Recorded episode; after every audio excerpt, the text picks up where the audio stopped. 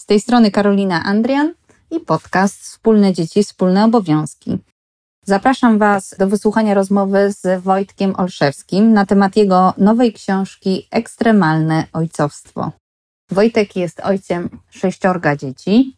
O tym wszystkim opowie Wam w rozmowie. Jest to nasze drugie spotkanie. Pierwszy odcinek nagrywaliśmy chyba rok albo dwa lata temu. Zapraszam Was serdecznie również do wysłuchania i tamtego odcinka, ale w tej rozmowie rozmawiamy, jak wyglądała droga Wojtka, jak wyglądała droga do ojcostwa, jak on rozumie tą drogę, jak stawać się lepszym ojcem i o tym, co ciekawego napisał w swojej książce. Książka jest bardzo fajna, polecam ją wszystkim ojcom.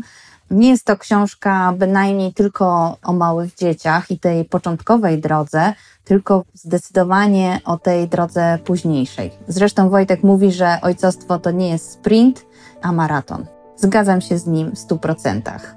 Zapraszam serdecznie. Podcast Wspólne Dzieci, Wspólne Obowiązki. Rozmawiamy o partnerstwie w związku, dzieleniu się opieką nad dziećmi, obowiązkami domowymi oraz o innych wyzwaniach i przyjemnościach rodziców. Witam Was bardzo serdecznie w kolejnym odcinku. Moim gościem, tak jak usłyszeliście w zapowiedzi, jest Wojtek Olszewski. Cześć Wojtek. Cześć, cześć.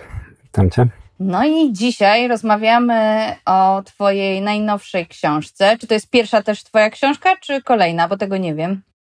Pierwsza, pierwsza. Taka profesjonalna od początku do końca to pierwsza. Czyli pierwsza profesjonalna i też najnowsza książka, którą zresztą, jak macie ochotę przeczytać, to wystarczy wejść na stronę internetową Wojtka. Wojtek, jakbyś przypomniał adres swojej strony internetowej.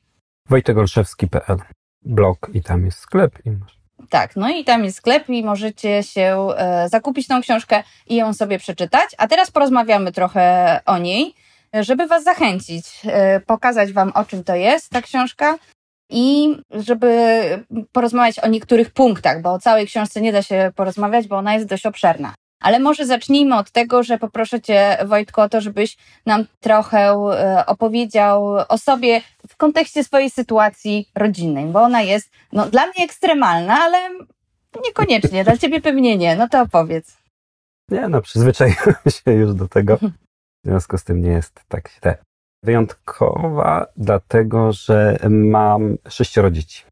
Najstarsze już jest pełnoletnie, niedługo będzie prawie miało 20 lat, teraz w tym roku ma studniówkę. Mhm. Dwa lata młodszy Janek, później jest Szymon, to jest taki nasz, nasza środkowa perełka.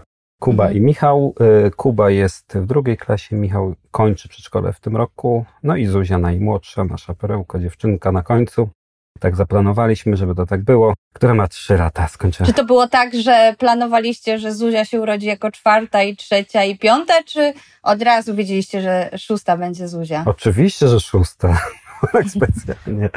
Nie, żartuję sobie oczywiście. Nie, nie, nie, nie. To tak nam się ułożyło.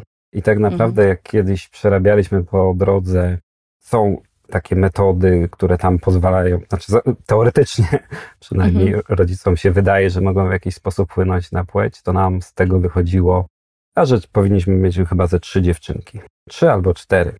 Szymon na mhm. przykład, mhm. zgodnie tam z, bo dosyć dokładnie wiedzieliśmy, kiedy każde z naszych dzieci się poczęło i zaczęło rozwijać, w związku z tym tam gdzieś tych wyliczeń wychodziło, że na przykład Szymon powinien być dziewczynką, a, a był chłopcem. Także to mhm. tak nam się poskładało. Mhm. Czyli od dłuższego czasu celowaliście w dziewczynkę. Bardzo się cieszę, ale mimo wszystko. I się udało wreszcie. Udało się, no to gratulacje. No i teraz przejdźmy może do książki. Zacznijmy od tytułu: Ekstremalne ojcostwo. Skąd ta ekstremum w tym tytule? Czy to dlatego, że masz pięciu synów, czy to jest kwestia. Aha, jeszcze, przepraszam, musisz dodać jeszcze jedną ważną rzecz. Z kim mhm. wychowujesz te dzieci? Bo nie powiedziałeś o swojej drugiej połówce z Kasią, moją żoną, którą już jesteśmy 20 lat razem. No i Kasia od roku, półtora roku już wróciła do pracy, bo to znaczy generalnie pracowała. Ja jestem przedsiębiorcą też od już ponad 10, 2000, wcześniej 2009. Kasia też prowadziła swoją firmę, tylko ona tak e, z przerwami w związku z ciążą każdą kolejną.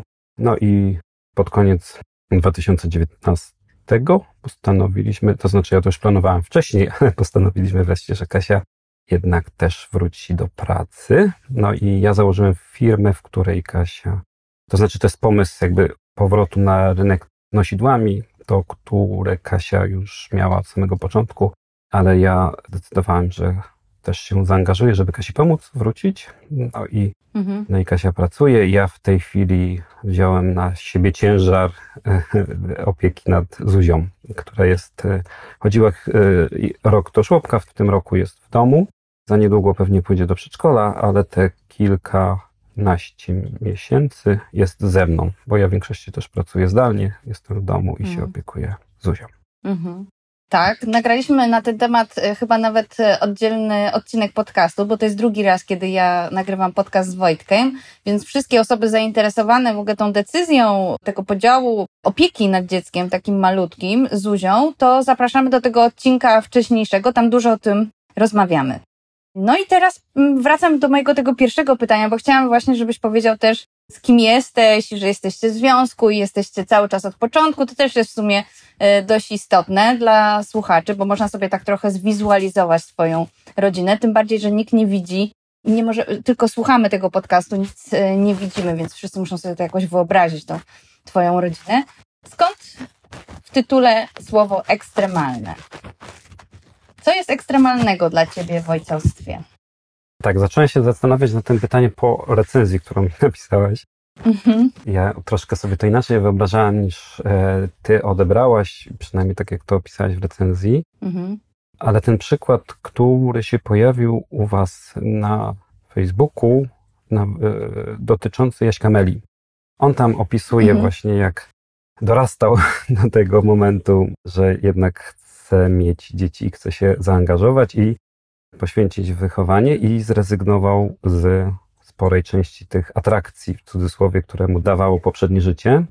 I dla mnie jest to właśnie ta ekstremalność. To znaczy ekstremalność w takim rozumieniu, że z punktu widzenia oczywiście mężczyzny, bo to jest e, przede wszystkim ja piszę jako mężczyzna i jako mhm. ojciec, że dorastam wewnętrznie do chwili, w której stwierdzam, że jestem w stanie zrezygnować z pewnych okazji, przyjemności, tak naprawdę i szans, które daje mi na przykład praca zawodowa, po to, żeby mhm. się zaangażować w opiekę, budowanie rodziny ogólnie, bo to jest i również relacja, to nie jest tylko wychowanie dzieci, ale również relacja z żoną i zaangażowanie w tą bliskość, tak żeby to przebywanie wspólnie razem było dla nas rozwijające i satysfakcjonujące. No i to jest ta ekstremalność. W takim, ja ją w ten sposób rozumiem, nie? Że, że rezygnuję. Troszkę mhm. idę pod prąd, bo, bo ten świat e, współczesny, który mamy, mhm. on tak naprawdę e, odciąga nas. No nie jest to atrakcyjne. No, umówmy się, że e, kariera ojca, podobnie jak i matki, nie jest ani usiana różami, ani nie wróży dobrze na przyszłość zawodową. Mhm. I trzeba się samemu ten, w tym dogrzebać. Ja w swojej książce staram się udowodnić, że jest inaczej że to nie idzie w mhm. poprzek. Mhm. Trzeba się trochę napracować i poszukać, ale to nie jest taki wybór e, albo albo, tylko można wykorzystać jedno i drugie w takim szerszym rozumieniu rozwoju osobistego. Nie, nie kariery zawodowej, bo to wiadomo, że to jest wtedy wybór jed, między jednym i drugim, ale w takim rozwoju osobistym i takiego poczucia satysfakcji i, i radości z tego, co się robi, to właśnie trzeba znaleźć miejsce na jedno i na drugie, czyli na rodzinę mhm. i na, na rozwój zawodowy jest to nam bliskie. Zresztą, jak wiesz dobrze, bo śledzisz nasze poczyniania e, fundacji. Okej, okay, no dobrze, czyli mamy to ekstremalne ojcostwo. No i zaczynasz tą książkę właśnie szczerze mówiąc od no właśnie takich rozważań związanych z przejęciem, odpo- znaczy w ogóle odpowiedzialności. I, I ja, jak opowiadasz o tym ojcostwie, to no ja czuję ten cień, tą perspektywę, w jaki sposób ty na to patrzysz. Mhm. I na początku podajesz taki przykład, co ojcowie wpisują w wyszukiwarkę i co wpisują kobiety. I ojcowie najczęściej w kontekście ojcostwa, że tam wpiszą, mhm. Y, jak udowodnić ojcostwo, y, czy na pewno jest ojcem, czy tam różne jakieś takie tematy. No to mnie bardzo zaskoczyło, że, że ojcowie w ten sposób patrzą. Szczerze mówiąc, aż mi jest trudno uwierzyć w to, co ty tam piszesz i w tym kontekście to rzeczywiście można by powiedzieć ekstremalne. Jak ktoś zaczyna swoją przygodę z ojcostwem od od sprawdzania, jak potwierdzić ojcostwo, to rzeczywiście może być to ekstremalne. Skąd ten pomysł na to, żeby w ten sposób na to spojrzeć? Czy to są Twoje obserwacje? Czy też tak miałeś przy pierwszym dziecku? Albo może kolejnym? Nie wiem. przy pierwszym, wiesz co, to znaczy tak, wyniki, bo to o czym wspominasz, no to są zapytania z e, strony internetowej, która pomaga tam zweryfikować e, wyszukiwania użytkowników, czego użytkownicy internetu, dokładnie przeglądarki mhm. Google szukają, nie? No i tam wspominam o tych różnicach właśnie, jakie pytanie zadają w kontekście macierzyństwa i bycia matką kobiety, a e, w kontekście ojcostwa i bycia tatą mężczyźni mhm. i właśnie w jaki sposób potwierdzić. Jakby cały kontekst jest, w większości tych pytań jest taki, czy ja faktycznie jestem ojcem. Nie jakby tak gdzieś mhm. w tle jest to pytanie związane z ryzykiem i przyjęciem bądź odrzuceniem odpowiedzialności za dziecko. I teraz, no, jakby ja tam proponuję spojrzeć w sposób pozytywny, czyli całość później rozwijam ze wstępu w kontekście takim, że to jest, e, po stronie mężczyzny jest to zawsze decyzja. Nie? Znaczy możemy spojrzeć mhm. negatywnie i pewnie wysunąć jakiś wniosek, że to jest związane z tym, że nie wiem, współżycie na przykład rozpoczyna się często przed ślubem, nie? I wtedy mhm. No bo jeżeli dziecko jest w małżeństwie, to zwykle nie ma z tym większego problemu, bo, no bo małżeństwo jest nastawione na to, że, że będzie dziecko. Mhm. Nie? Oczywiście tam mhm, są mhm. różne wyjątki i tak dalej, nie? ale jakby y, na ogół rodzice się tego nie obawiają, bez względu na to, czy planują, czy nie. No i jakby małżeństwo jest tą instytucją, która nam pomaga wychować dzieci. Jest do tego stworzona. Kiedy jest to wcześniej, no to wtedy jest to z pewnym ryzykiem, nie? Mężczyzna mhm. nie chodzi w ciąży. To jest podstawowa, fundamentalna e, różnica. No, tak. No i zawsze po jego stronie, po, po stronie mężczyzny jest ta decyzja, nie? czy chce to wziąć na siebie tą odpowiedzialność, no czy wypnę się i pójdę sobie swoją drogą i będę udawał, że się nic nie stało, nie? Mhm, mhm.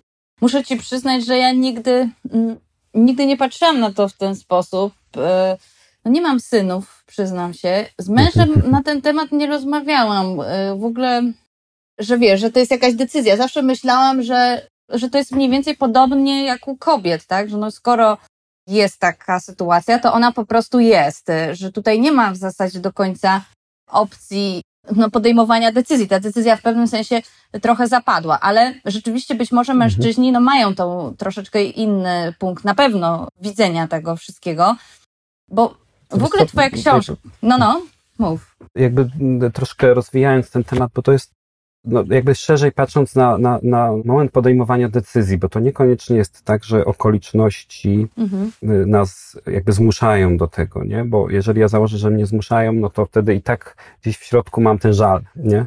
I teraz y, y, nawet no, są bardzo takie ekstremalne sytuacje, na przykład nie wiem, zagrożenie śmierci czy coś takiego, niekiedy już nie mamy wyboru, ale w dalszym ciągu możemy podjąć decyzję wewnętrznie, nie? Tak jakby tutaj jest taki moment, że ja chcę być ojcem i jakby przyjmuję na siebie wszystkie te konsekwencje, które się z tym wiążą, nie?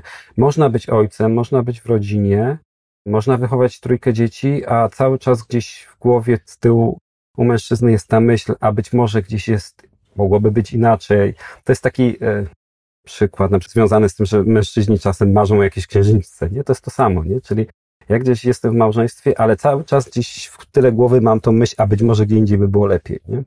I mm -hmm, mężczyzna, mm -hmm. jakby dojrzałość, dojrzewanie mężczyzny wiąże się z tym, że on w którymś momencie powinien podjąć decyzję, tu jest to, co, o czym ja marzę i y, w co się chcę w całości zaangażować. Jakby to nie zmienia mm -hmm. formalnie niczego, on nie, nie przestaje być bardziej ojcem albo mniej, ale w środku zaczyna się angażować, nie? Mówię o tym. Nie wiem, czy w przypadku matki y, nie jest podobnie, no bo nie byłem matką, nie, nie, nie, nie wchodzę też w ten temat. Ale to jest to, czego bym chciał namówić mężczyzn i to jest właśnie ta ekstremalność, nie? że ja zamykam wszystkie furtki i, i wchodzę w całości w to, co, co mam mhm. do zaoferowania i w małżeństwie, i dzieciom, y, bez oglądania mhm. się na przeszłość, to, co było kiedyś. Nie? To już do, do, do tego się nie da wrócić. Mhm. Ja mogę tak od siebie dodać, bo rzeczywiście też pisałam to w recenzji i jak czytałam tą książkę, to przyznam, że ja czułam, że ona jest też równie dobrze, może być zaadresowana do kobiet, bo wydaje mi się, że ty masz, e, znaczy no, nie możesz e, powiedzieć nic e, w naszym imieniu, ale taki wyidealizowany, muszę przyznać, wizję kobiety. Kobiety, która no, jest pewna co do tych wszystkich swoich decyzji, która właśnie zamyka te furtki i i idzie w to macierzyństwo, no muszę przyznać, że moja perspektywa jest inna, tak? To też po stronie kobiety wiąże się z pewnymi decyzjami, chociażby to, to, co ty mówisz, że ta decyzja musi zapaść wewnętrznie, musimy być pewni tej decyzji, bo wtedy możemy inaczej spojrzeć, nie pojawiają się takie żale, tak? Bo to nie jest tak, mhm. że macierzyństwo mhm. przychodzi bezkosztowo. To są zawsze jakieś e, plusy dodatnie i może plusy ujemne, nazwijmy to. No, coś się dzieje kosztem czegoś, czy na przykład właśnie spowolnienia kariery, czy jakichś innych decyzji, czy takich rzeczy, które myślę, że mężczyźni w ogóle nie myślą, a u kobiet się pojawia. To jest na przykład wygląd zewnętrzny, mhm. figura, no to się wydaje takie bardzo banalne i płytkie, ale no, badania to pokazują, czego się obawiają kobiety właśnie w kontekście ciąży i, i, i dlaczego tak dużo jest poświęconych chociażby artykułów na temat urody i wyglądu kobiet i też w kontekście ciąży, więc myślę, że u kobiet też te, że te, te myślenie się pojawia, dlatego jak czytałam tą książkę, o tej właśnie ten fragment cały, bo to jest dość sporo, mm, piszesz o tej odpowiedzialności, to ja czułam, że mogłabym się identyfikować z tymi y, wszystkimi dylematami i tymi twoimi rozważaniami, być może na pewno nie ze sprawdzaniem, czy, e, czy się jest matką, czy nie. No tak, e, ten fragment akurat nie, ale każdy inny jak najbardziej tak. I teraz chciałabym cię właśnie jeszcze zapytać o tą odpowiedzialność, bo ty tam bardzo dużo o tym piszesz. I ja mhm. powiem ci, że nie do końca to zrozumiałam. Tą właśnie współodpowiedzialność, tak mówisz o tym właśnie ojcostwie. Jakbyś mógł tą myśl tutaj mi wyjaśnić mhm. i tutaj słuchaczom, jak ty na to patrzysz? Mhm, okay. Myślę, że chodzi o ten fragment o, o braniu odpowiedzialności i że mężczyzna jest odpowiedzialności, odpowiedzialny w całości za rodzinę. Nie? I jakby w konsekwencji jakby nie ma drugiego kroku w sensie takim, że wtedy matka nie jest odpowiedzialna. Nie? Mhm. Załóżmy, że tam jest ten przykład, który w książce podaję, to też wychodzi od, od odpowiedzialności w wojsku na przykład, że co innego jest podział obowiązków, a co innego mhm. odpowiedzialność. I załóżmy że teraz, mhm. że ja, no mamy dziecko i umawiamy się z żoną wprost albo nie wprost, że ona będzie pilnowała tego, jak się dziecko uczy, nie? czy tam ma lekcje mhm. odrobione i tak dalej dlatego że ja na przykład, nie wiem, pracuję na etat, wracam późno, żona jest wcześniej i jest w stanie to zrobić, albo na przykład jest, jest w ogóle w domu, nie? nie jest mhm. na jakimś... Albo mniej zarabia. Typowy argument. Albo mniej zarabia, no. Dobra, to jakby to jest inny temat też, ale i wtedy to nie oznacza, że ja nie biorę odpowiedzialności za to, jak się moje dziecko uczy, nie? Czyli, nie wiem, mhm. dziecko ma słabe stopnie z matematyki, no i wtedy, jeżeli nie biorę odpowiedzialności, to ty się zajmujesz dzieckiem, w związku z tym to załatw, nie? Albo mm-hmm, myślę, że często, no często jak e, na wywiadówkach, nie są tatusiowie, którzy przychodzą albo do przedszkola, odprowadzają dziecko i pani się pyta, a czy dziecko będzie, e, no nie wiem, w tym dniu przyjdzie do przedszkola, a nie wiem, muszę się mamy zapytać, nie? I jakby mama ma wszystko w głowie, to jest hmm, czasem z tej drugiej strony takie grafiki feministyczne, tak w tej chwili mi się kojarzy, nie? Ale na przykład, że to, że kobieta musi o wszystkim pamiętać. Mm-hmm, takie, mm-hmm. jakby kobiecie jest łatwiej z natury o tym pamięta, a mhm. mężczyzna, jak się jedną sprawą zajmie, to o drugiej zapomina, po prostu ma takie mhm. poszufladkowane, nie? Ale to jakby w dalszym ciągu to jest specyfika i kobiety, i mężczyzny. Natomiast mhm. to w dalszym ciągu nie zwalnia z odpowiedzialności, nie? Czyli ja jestem w 100% odpowiedzialny za to, jakie ma wyniki dziecko w szkole, jako rodzic oczywiście, nie, że ja mam chodzić za dziecko i się uczyć, jakby to jest ale Rozumiem. nawet jeżeli bezpośrednio opieka nad tym wynika z takiego podziału, że, że tym się mama zajmuje, takie zupełnie banalne jak, jak gotowanie obiadu, nie? Możemy się tak umówić, że, że kobieta się tym zajmuje z racji tego, że lepiej gotuje, że ma większą wprawę, ale to nie oznacza, że dzieci będą chodziły głodne, bo na przykład mama wyjechała trzy dni na delegację, więc ja nie wiem, co zrobić i za, jak się za to zabrać mhm. jako ojciec, nie? Bo mama się tym zawsze zajmowała. Więc y, no, takie no, czuwanie, że wiem, co się dzieje, nie? I w sytuacjach mhm. właśnie takich, że jesteśmy w stanie na sobie polegać, nie? I to jest, ja w dalszym ciągu jestem odpowiedzialny, chociaż nie wszystkim się muszę w domu zajmować, nie? To jakby dwa, dwa różne pojęcia. Mhm. A, to teraz już lepiej to rozumiem. Mhm. mhm. Jak ty o tym myślisz, bardzo podobnie. I, I też się identyfikuję z tym, muszę ci przyznać. I w kontekście tego myślenia o dzieciach, y, o tych grafikach, to rzeczywiście no, kobiety przez to, że się zajmują dzieckiem, wydaje mi się, że to wynika często z tego, że wiesz, my jesteśmy na tych urlopach ten rok, potem dziecko mhm. idzie do przedszkola, to trochę jest to przywiązane do, czy tam do żłobka. I ponieważ my byliśmy, dziecko było do nas przywiązane, to my wracamy do pracy, to tak naprawdę jest to na na głowie kobiet i na przykład jak dziecko zachoruje, to, to to jest też problem mamy najczęściej, ale powiem Ci, że tak z mojej perspektywy, u mnie też tak było, ale przy trzecim dziecku mhm. to się zdecydowanie zmieniło, a szczególnie to nawet po jakimś czasie, bo nasza córka trzecia jest niepełnosprawna, więc tych obowiązków my mamy dość sporo i te, mimo tego, że mhm. ona ma 10 lat, to tak trochę jakbyśmy mieli dwulatka cały czas, czyli cały czas odbieramy ze szkoły i na przykład mhm. ja odbierałam częściej ze szkoły i w pewnym momencie sobie pomyślałam, kurczę, no to, bo zawsze tak czułam, że może ja mhm. powinnam, no z różnych y, powodów, które ty zresztą wymieniałeś. I po prostu poszłam, y, porozmawiałam z moim partnerem i mówię, słuchaj, no to może róbmy raz ty, trzy razy w tygodniu, raz ja. No i on po prostu powiedział, okej. Okay. Mu po prostu to nie przyszło nawet mhm. do głowy. Ja tak długo się z tym zastanawiałam nad tym i często jest tak, że my to robimy po prostu naprawdę na takim autopilocie. Nam się wydaje, że my jesteśmy za mhm. to. Bo tak zawsze było. Nie? E, odpowiedzialni i mi się wydaje, że mężczyźni po prostu też o tym często nie myślą, bo oni mają tak strasznie włożone do głowy, że wiesz, ta ich odpowiedzialność to jest tak głównie praca, tak? I, i ten obszar e, zapewnienia tego bezpieczeństwa finansowego e, rodziny. I często kobiety przyjmują ten obszar rodzinny i tej logistyki rodzinnej, o której ty mówisz.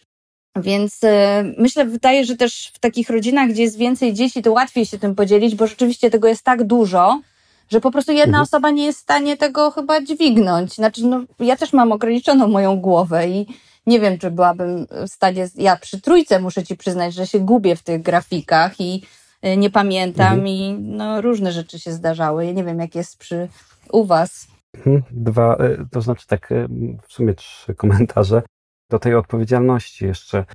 W jaki sposób ja ją rozumiem też, bo to, co mhm. mówisz, że kobiety często nie mówią i one się czują zobowiązane do czegoś, więc ja rozumiem, że mężczyzna też za to po części odpowiada. To znaczy tak, u nas w rodzinie było w ten sposób, że no Kasia z racji tego, że, że rodziła i dłuższy czas gdzieś tam wypadała cały czas z tego rynku pracy, mhm. no to dla mnie odpowiedzialnością jest też to, że ja jej pomagam wrócić, nie? No, ja miałem tą możliwość, no, że pracowałem w tym czasie, w związku z tym jestem gdzieś tam do przodu i zawodowo i, i ta firma, którą ja prowadzę, no to ona miała czas, żeby się rozwinąć, ale to nie, no, odpowiedzialność polega na tym, że ja to też biorę na siebie te konsekwencje, czyli daję, zaopiekowałem się Zuzią, żeby Kasia mogła pracować, chociaż jest to dla mnie duże obciążenie. Takie czasowe też, mhm. i jakby jakieś te konsekwencje przenosi na firmę. Więc, e, bo nie wiem, czy często, ale jak widzę kilka przynajmniej takich rozmów było, nie? Że, że jakby kobieta chce wrócić po urlopie macierzyńskim, czy jeszcze wychowawczym do pracy, mm -hmm. no to, bo mm -hmm. mąż uważa, no to, to, to wróć, nie? No i teraz ona próbuje, wysyła jedno mm -hmm. CV, drugie, trzecie, no i tak próbuje, nie? A w międzyczasie, a właściwie przez cały czas odbiera dziecko z przedszkola, czy tam ze szkoły, gotuje obiad, prowadzi dom, nie? No to moim zdaniem to mhm. nie jest podział odpowiedzialności. Jeżeli ja mhm. oczekuję jako mąż, moja żona jednak wróci do pracy, bo na przykład potrzebujemy pieniędzy, no to też daję coś z siebie, nie? Czyli jakby wkładam ten wysiłek, żeby jej pomóc w tym wrócić. Taka mhm. techniczna uwaga obsługi mężczyzn nie tylko jest, że się koncentrują na pracy zawodowej, tylko że po prostu mhm. nie zauważają. To jest tak, mhm. że e, ja wiem, że Kasia mi musi coś powiedzieć i to nie wynika z tego, że ja nie chcę, mhm. czy, czy jakby nie, nie mhm. doceniam, tylko no po prostu nie zwracam, bo trochę z tym szufladkowaniem, o którym wcześniej mówiliśmy, nie? czyli jak mężczyzna sobie zamknie jedną szufladkę, a drugiej nie otworzy, no to on tego mhm. nie zauważa i po prostu czasem wystarczy zwrócić uwagę, znaczy zwrócić uwagę, no przypomnieć, zauważyć i mhm. to zaczyna działać. No i miałem jeszcze trzecią, ale mi uciekła. Dobra, no to może mi się przypomnieć. To może za chwilę wróci do ciebie. No właśnie, i teraz chciałam tak powiedzieć trochę ogólnie o tej książce, jak ją czytałam.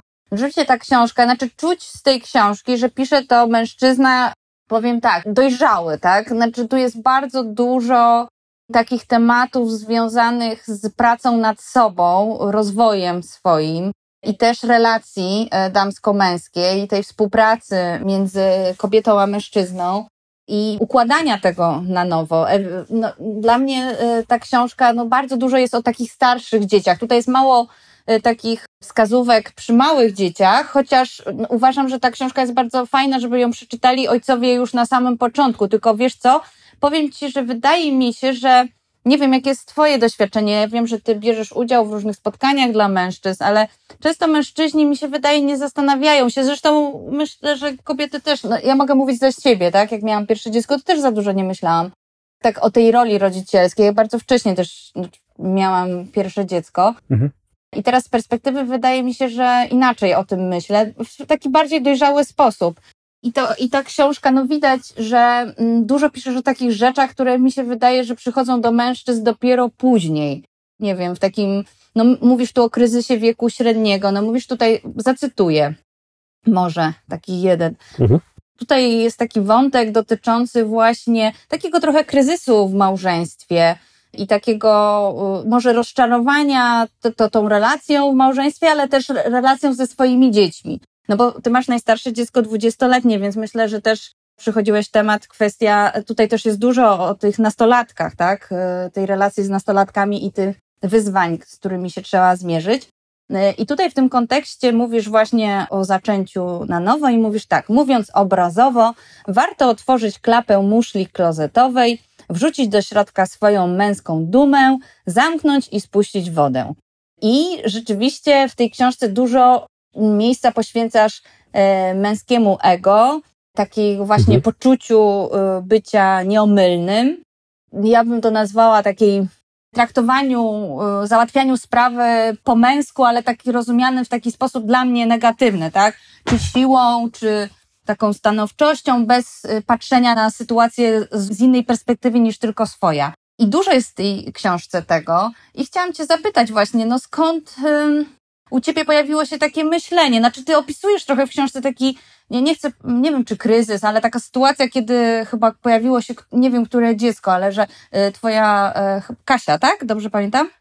Kasia, Kasia, tak. Mhm. Kasia była w szpitalu i to był taki moment też dla ciebie przełomowy w momencie, kiedy ty zacząłeś się opiekować dzieckiem. Musiałeś zmienić mhm. Kasię, zacząłeś być dłużej w szpitalu i to też jakieś takie spowodowało zmiany u ciebie i też może zanim jeszcze będziesz odpowiadać, to ci tak drugie pytanie, bo tutaj też fajnie mówisz, mhm. że to jest jak z samochodem, też cytuję, który czasem się popsuje i trzeba go naprawić. Psują się też relacje, komunikacja, dezaktualizują się nasze wizje. Trzeba je zmienić, poprawić i aktualizować. Różnica pomiędzy człowiekiem a samochodem jest taka, że każda awaria obniża wartość samochodu, a każdy pokonany kryzys rozwija i umacnia. Jakbyś mógł właśnie o tej męskiej dumie i dlaczego tak dużo miejsca w sumie temu poświęcasz? Dlaczego to jest tak ważne w kontekście ojcostwa, bo w sumie o tym jest ta książka? Bo mężczyźni w większości tak mają. Nie wiem, czy wszyscy, ale generalnie to w ten sposób wygląda, nie? że to taka mm, samozajebistość, takie przekonanie o tym, że jestem taki cudowny i wspaniały, mężczyźni w ten sposób e, po prostu, no taką, nie wiem, mają skłonność, tendencję, żeby w ten sposób oceniać mhm. świat i, i, i, rzeczywistość.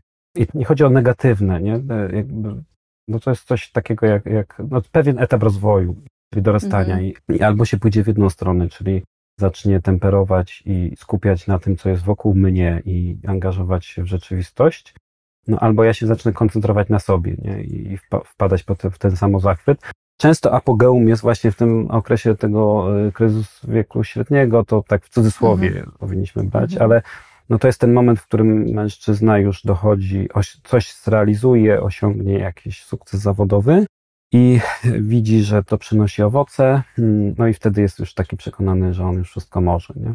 No i później mhm. to się mhm. kończy różnie, różne te drogi. Ja na to zwracam uwagę, żeby trzeba iść dalej, nie? że to nie jest koniec ojcostwa, Często też, jak śledzę te grupy na Facebooku, na przykład dla ojców, tam jest dużo takich e, ojców właśnie, którzy zaczynają to, o co pytałaś, nie? I oni są mhm. pozytywnie nakręceni, mhm, też i w mhm. kontekście właśnie tych takich relacji równościowych, takich, że ojcowie mhm. się angażują, że chcą, mhm, mhm, że to nie jest tak jak kiedyś, nie, że ojciec tam się pojawiał dopiero jak, ojciec, jak dziecko zaczynało się komunikować i dało się z nim dogadać, tylko ojcowie są już od samego początku i tak dalej.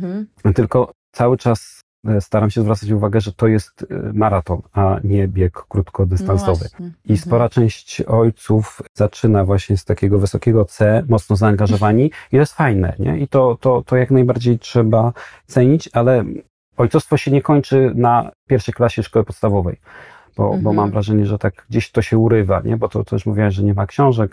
Że jak dziecko już zaczyna być samodzielne, w sensie takim jak ono już idzie do szkoły około 7 lat, no to wtedy już tracimy też taki bezpośredni wpływ na nie. E, dziecko podlega, bo pani powiedziała w szkole i to jest święte, a to co rodzice mówią, to już przestaje mieć znaczenie. No i te dzieci już nie są takie wymagające, no bo małe dziecko jak potrzebuje, to albo się powiesi, albo gdzieś tam przyjdzie, na kolana wejdzie, mhm. płacze na przykład, więc one jakby naturalnie nas też zmusza, nawet jak nam się nie chce, no to zmusza nas do tego zaangażowania. Później jest tego mniej. A gdzieś czytałem takie porównanie statystyczne tak naprawdę, już nie pamiętam dokładnie jak źródła, ale mhm. prawdopodobnie nastolatkowie jak nie tyle samo, to więcej potrzebują naszej mhm. uwagi ojcowskiej, szczególnie ojców. Znaczy nie, że bardziej niż matki, ale patrzę cały czas z punktu widzenia ojca. Nastolatkowi niż takie małe dziecko początkujące, nie? że oni potrzebują właśnie tego tak naprawdę mężczyzny, który wprowadza w ten świat e, odpowiedzialności, dorosłości. Tam też przytaczam takie badania dotyczące mm, poczucia odpowiedzialności za to, co się dzieje. To są mhm. długoterminowe badania nie? i one pokazują, jak zmieniło się na przestrzeni dwóch, trzech pokoleń poczucie odpowiedzialności za to, co się dzieje, jak zmieniamy świat, jak jesteśmy w mhm. stanie wpływać na, na świat, i to poczucie odpowiedzialności jest coraz bardziej na zewnątrz. Czyli coraz więcej osób i dzieci ma poczucie, że nie ma wpływu na to, co się dzieje. A dla mnie to jest znak e, takie, da się wytłumaczyć, e, jakby poczuć e, trudniejszymi relacjami czy zaburzonymi relacjami z ojcem.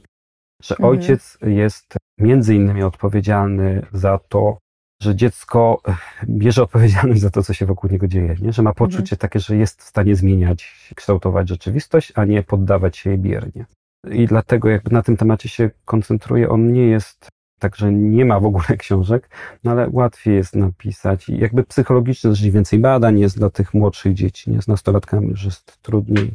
To no, prawda. Jakby, no, mhm, mhm. No to. Bardzo fajnie, że przytaczasz te badania. Szczerze mówiąc, ostatnio właśnie też dzisiaj nawet widziałam takie badania, ale to w kontekście męskości, szczerze mówiąc, i, ale kobiet i mhm. mężczyzn mhm. odnośnie oczekiwań wzajemnych. I rzeczywiście też było wymienione poczucie sprawczości, znaczy poczucie tego, jaki ja mam wpływ na to, co się dzieje dookoła mnie. I ono jest bardzo niskie, zarówno u kobiet, jak i mężczyzn. Tam jest 30%, e, tak, e, zarówno kobiet, jak i mężczyzn, tam 30 parę procent odpowiadało, że ma poczucie tylko tak naprawdę, że, że ma wpływ na to, co się dzieje dookoła nas, a rzeczywiście jest to bardzo ważne. Słuchaj, no jeszcze chciałabym Cię, ponieważ no, w tej książce naprawdę jest bardzo, bardzo dużo. W ogóle w tej książce też jest bardzo dużo o takiej pracy nad sobą, nad sobą jako.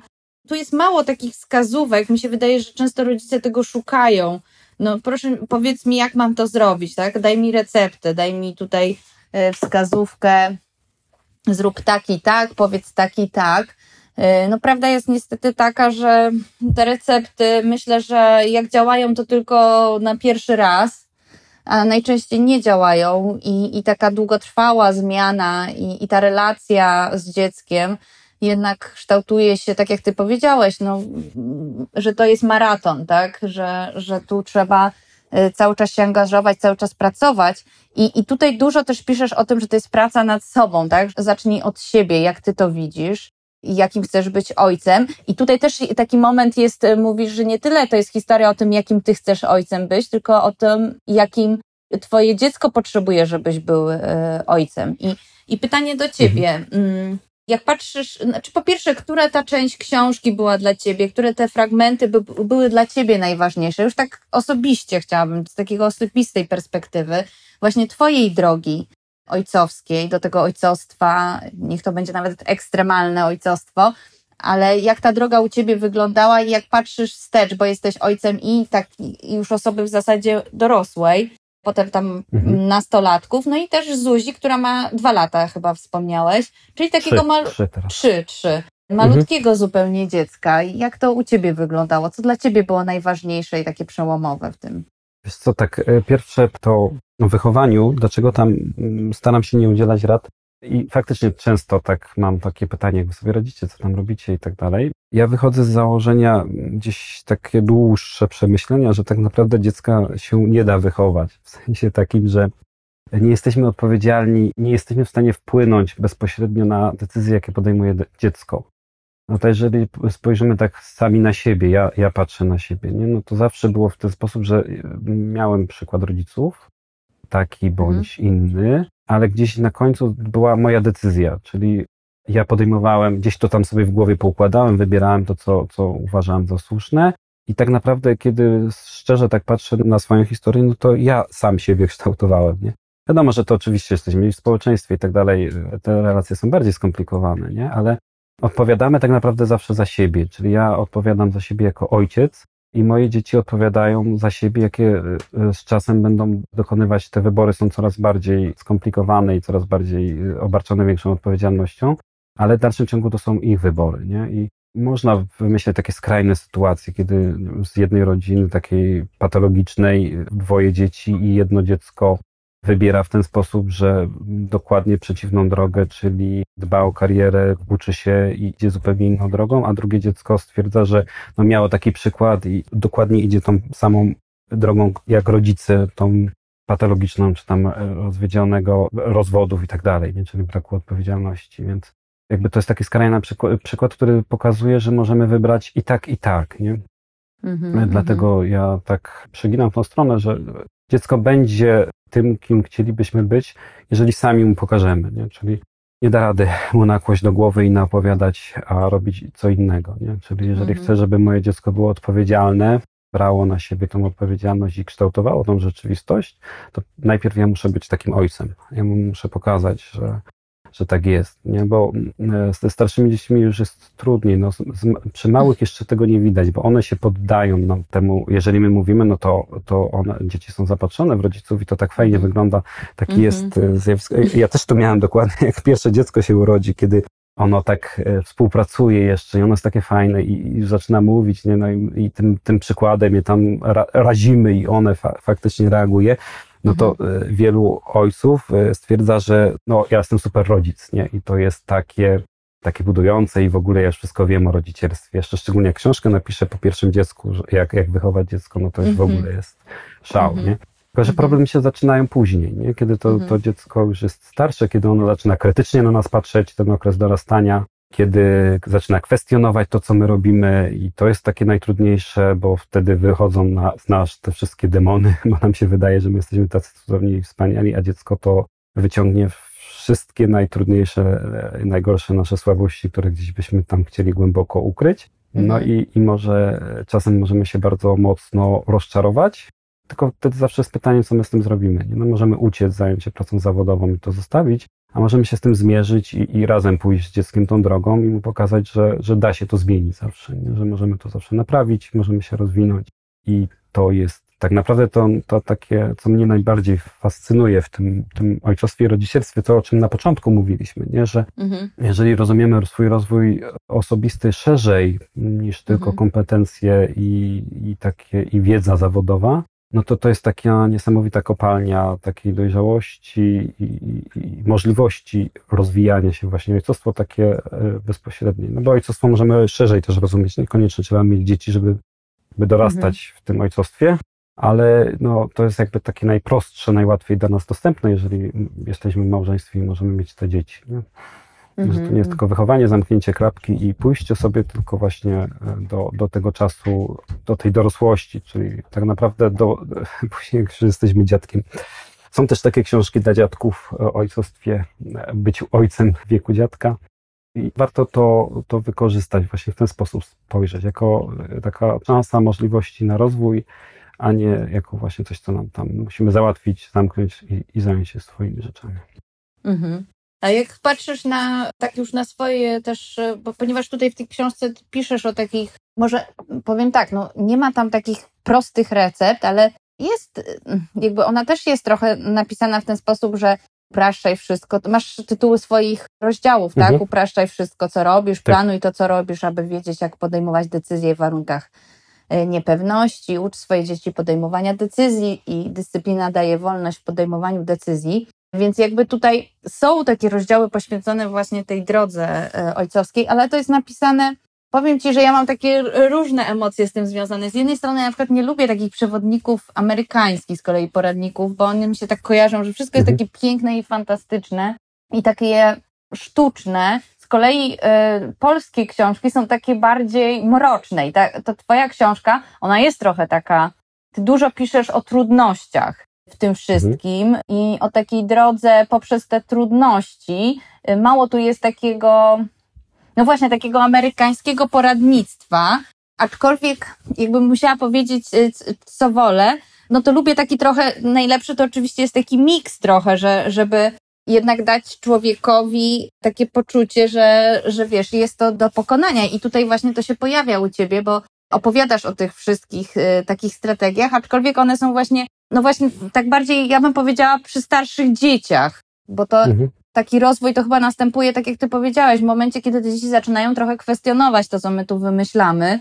I, mhm. I są na tyle duże, że właśnie nie wchodzą we wszystko jak w masło, tak jak ty powiedziałeś, że na początku one są tak bardzo zafascynowane. No niby jest ten bunt dwulatka, ale ale jednak tak y, na taką prawdziwą y, krytykę, czy tam powiedzmy konfrontację, czy jakkolwiek by to można było nazwać, to jest ten wiek nastoletni, kiedy się pojawia rzeczywiście, no, można by powiedzieć, ogromne wyzwanie, tak, dla, dla rodziców. I teraz y, przechodząc do, do Twojego przepisu na ojcowski sukces, ale nie dla innych, tylko w sumie dla Ciebie, jaki dla siebie samego, co dla Ciebie w zasadzie w tej Twojej drodze ojcowskiej było najważniejsze, co było tym przepisem. Znaczy, nie chcę powiedzieć na sukces, no bo wiesz, sam powiedziałeś, że to jest droga, tak? To ja nie chcę tutaj mówić, że o, osiągnąłem sukces i mogę sobie usiąść na kanapie, ale na twoją taką drogę właśnie w tym ojcostwie. Mhm. Dystans do tego, co robimy. Takie e, gdzieś z tyłu głowy poczucie, że e, nie wiem, dziecko dostanie słabe oceny, czy ma gorszy okres w szkole, no to wtedy mm, jakby to jest taki etap. I podchodzenie do tego z dystansem, że wszystko jesteśmy w stanie jeszcze zmienić, naprawić i że to jest taka właśnie wspólna droga, a nie, nie punkty do zaliczenia. Że nie ma potrzeby się tak nakręcać, zaczynając od takiego malutkiego dziecka, jak czasem rodzice się spinają, bo ma 18 miesięcy, więc już nie powinno spać rodzicami w łóżku, nie? Mhm. I gdzieś się tam na siłę, pamiętam przy pierwszym dziecku właśnie próbowaliśmy tak, bo w książce było napisane tak, no to trzeba będzie tak robić w ten sposób. A później z czasem y, coraz więcej luzu się takiego pojawiało i widzę, że dzieci wtedy są bardziej otwarte na, na świat i, i lepiej wchodzą w relacje, że jest im i łatwiej. To ma też konsekwencje w drugą stronę, nie? bo jakby przy tych pierwszych dzieciach popełniamy najwięcej błędów, które później na przykład, jeżeli mamy kolejne dzieci, trzecie, czwarte, piąte, to mamy jeszcze szansę poprawić, nie? No bo jak jest jedno, dwójka, to mhm. zanim do czegokolwiek dojdziemy, no to już właściwie te dzieci są starsze i już nie mam możliwości takiej refleksji i jakby skorygowania swojego podejścia do wychowania takich mniejszych dzieci, nie? bo to mhm. przy starszych. Ale z drugiej strony, druga strona jest taka, że one są wtedy te dzieci tak starsze zwykle są bardziej odporne psychicznie na, na różne kryzysy i konflikty.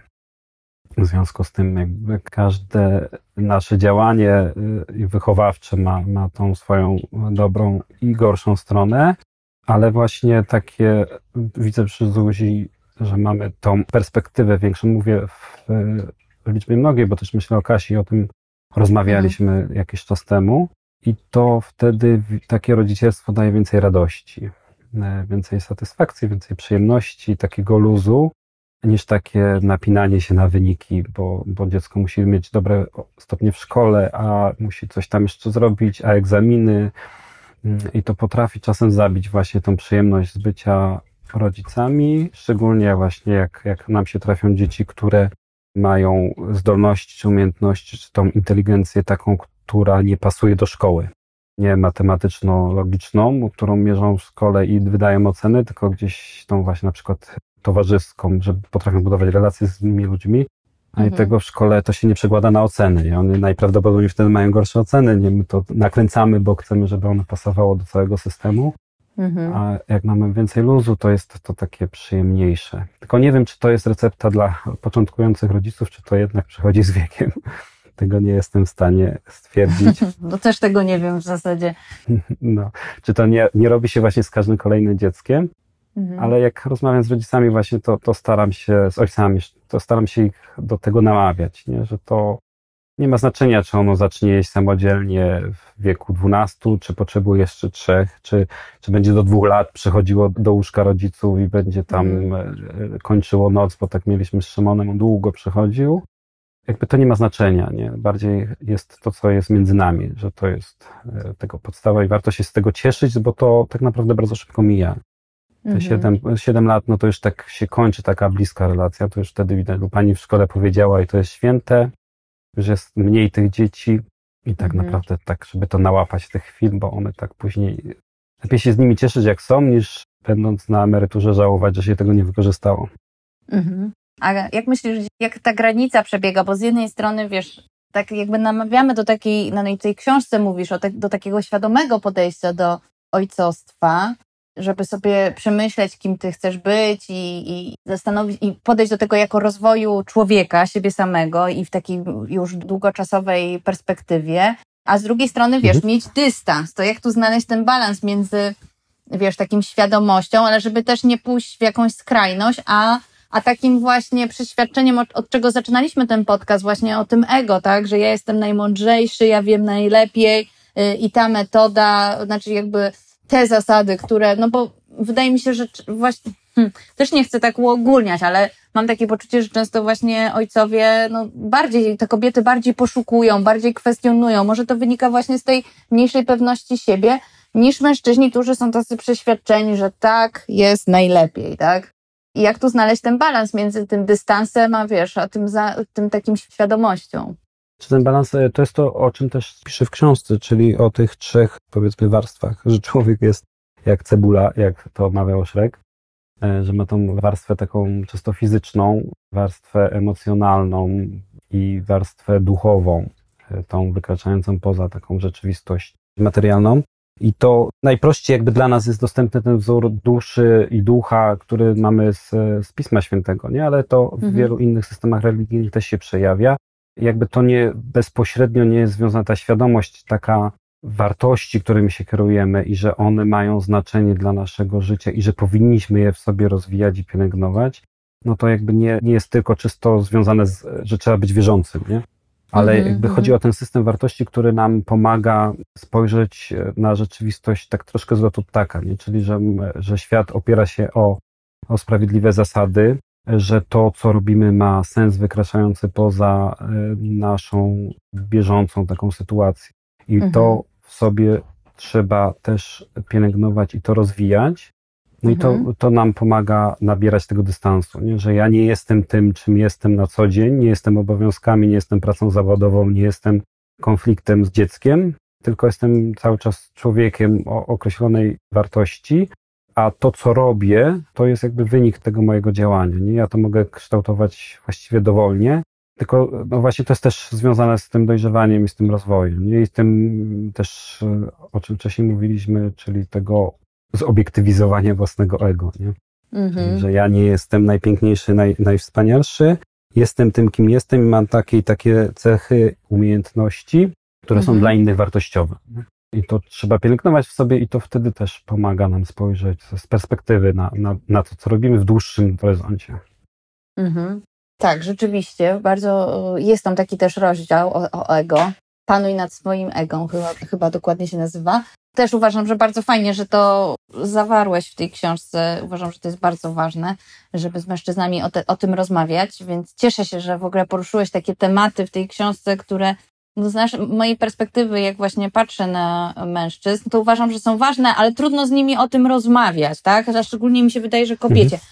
jest trudno o tym rozmawiać. Z młodszymi mężczyznami wydaje mi się, że jest lepiej, bo oni, nie wiem, czy to jest związane z, z tym, że oni troszeczkę inaczej już, ja mówię w stosunku do nas, tak? Bo mamy, jesteśmy, mhm. można by powiedzieć, w wieku średnim, jeśli mogę tak, y, nie wiem, bo niektórzy różnie to definiują, ale młodzi mężczyźni trochę inaczej na to patrzą. Wydaje mi się, że bardziej świadomie, trochę bardziej, tak? Przynajmniej ja mam takie odczucia. Z takimi mhm. mężczyznami w wieku średnim to trudno się rozmawia o tym, ale może wynika to z tego, że właśnie jeszcze nie wrzucili tej swojej dumy do klozetu i cały czas tkwią w tym, nie wiem. Chciałam Cię jeszcze na koniec, już ostatnie takie pytanie zapytać. Jak, ponieważ Ty się spotykasz z różnymi ojcami, jak na pewno część już z nich widziała tę książkę, ona jest dość świeża, ale myślę, że już trochę osób ją czytało. No jak, z jakim odbiorem się spotykasz? Co jest dla nich ważne? Hmm, co, mm, to znaczy tak, jeszcze troszkę wracając do tego, co mówiłeś wcześniej, mhm. no ja spotykam się z ojcami, nie tylko z ojcami, bo ogólnie mężczyznami, którzy mhm. w jakiś sposób określony, nie tyle nawet w jakiś co określony sposób pracują nad sobą, nad swoim rozwojem. Mhm. Nie? To niekoniecznie musi się wiązać z ojcostwem, jakby tak fragment tego rozwoju męskiego to jest y, ojcostwo, na którym o ja z racji tego, że mam najwięcej doświadczenia, to się w, w naszej grupie najczęściej tym zajmuję i, i najczęściej. To poruszam. Więc jakby to jest y, decyzja. To, co mówisz o tych średnim, to być może też trafiłaś na, na mężczyzn akurat, którzy gdzieś tam są przekonani, że oni są fajni i, i wszyscy się nimi zachwycają. Czy z młodszymi, nie nie, nie mam inne, jakby nie kwestionuję tego, co mówisz, no ja mam troszkę, chyba porówno, to jest tak naprawdę decyzja, nie? czy ja się chcę rozwijać i czy to mhm. będzie ojcostwo, czy to będzie firma, ale w takim szerszym rozumieniu, nie? czyli ja jestem przedsiębiorcą i, i dbam o na przykład o pracowników, żeby oni tam się dobrze czuli, a nie tylko o zysk w firmie, jakby szerzej mhm. widzę tą swoją firmę w społeczeństwie, no, no mhm. możemy tutaj różne ścieżki wymyślać i, każda z nich jest dobra pod warunkiem, że właśnie powoduje ten rozwój.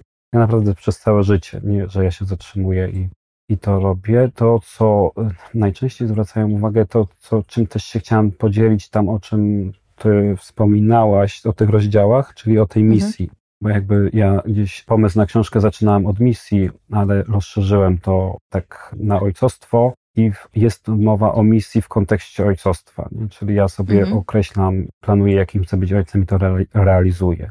I tutaj najczęściej właśnie pojawiają się też pytania. Nie, nie napisałem jeszcze, być może napiszę osobną książkę o tym, jak żyć misją, bo ja, ja mam od sześciu lat już e, też zapisałem sobie misję i ona tam obejmuje nie tylko ojcostwo, ale też inne obszary mojego życia i to realizuję. Mhm. Więc jakby to jest też takie interesujące. Tam, jeżeli rozmawiamy, no to, to jest to pytanie, jak to zrobiłeś i efektem realizacji misji jest ta książka.